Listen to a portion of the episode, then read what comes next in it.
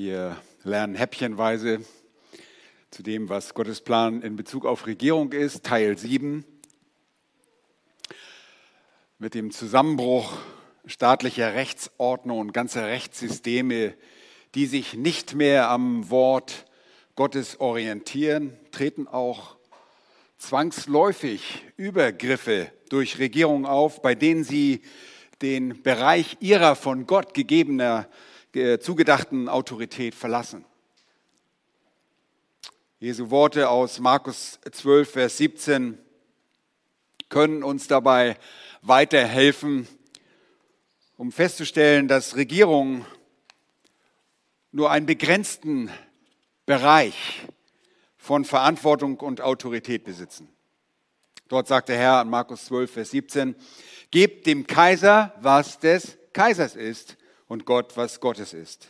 Paulus unterstreicht in Römer 13, Vers 7, so gebt nun jedermann, was ihr schuldig seid. Steuer, dem die Steuer, Zoll, äh, dem Zoll, äh, Furcht, dem die Furcht, Ehre, dem die Ehre gebührt.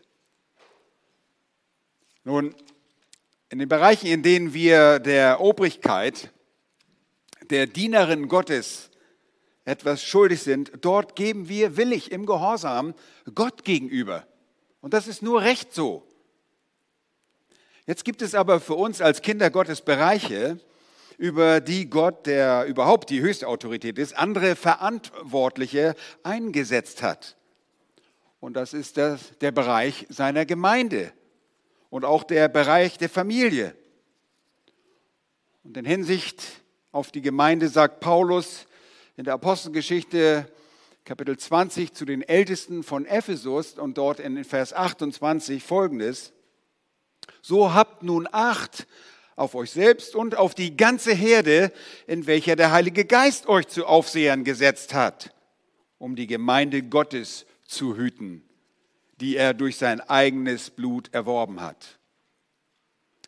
Und die Aufseher im Bereich der Gemeinde Gottes sind Aufseher seiner Wahl. Der Heilige Geist hat diese für sich ausgewählt und für die Gemeindeaufsicht verantwortlich gemacht.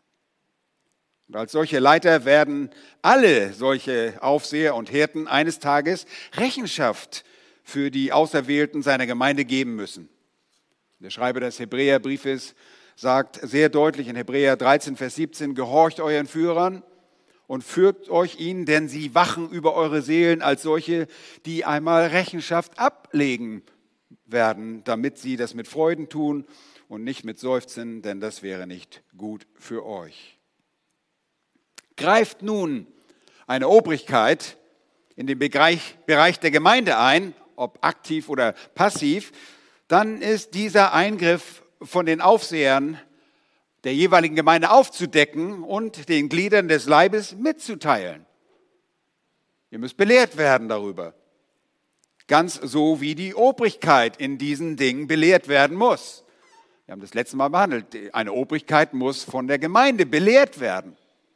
Anweisungen und Verordnungen der Obrigkeiten bringen in einem Fall der Übergriffigkeit keine Verpflichtung zur Unterordnung für Kinder Gottes mit sich.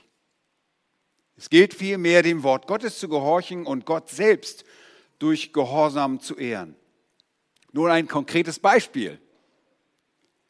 Regierungen haben während der vergangenen Corona-Krise zu unterschiedlichen Zeiten an verschiedenen Orten der Welt immer wieder auch den christlichen Versammlungen Einhalt geboten. Sie durften sich nicht versammeln.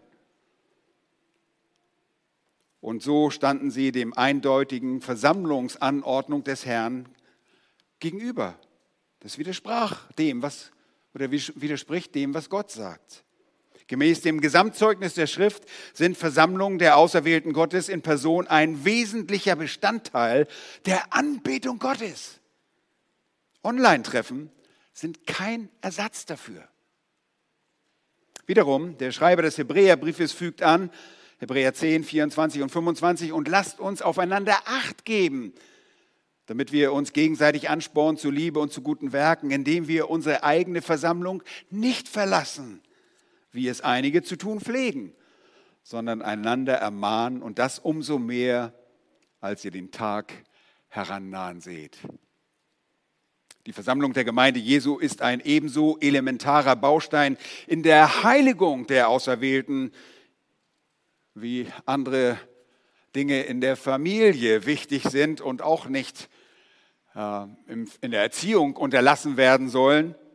Und das alles zur Ehre Gottes.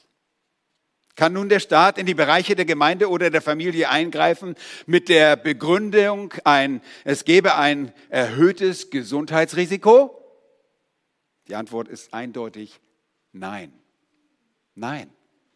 Jede Obrigkeit, die so verfährt und ihren Herrschaftsbereich überschreitet, steht im direkten Konflikt mit Gott, der für die Gemeinde durch die von ihm selbst berufenen Aufsehern sorgen lässt und auch in der Familie den Mann zum Haupt der Frau bestimmt hat.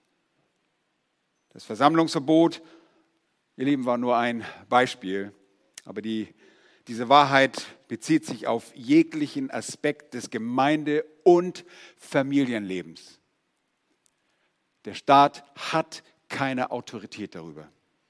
Nun, welche Verantwortung trägt die Gemeinde und auch die Gemeinde nebst ihrer vor Gott reflektierten Unterordnung zur Obrigkeit?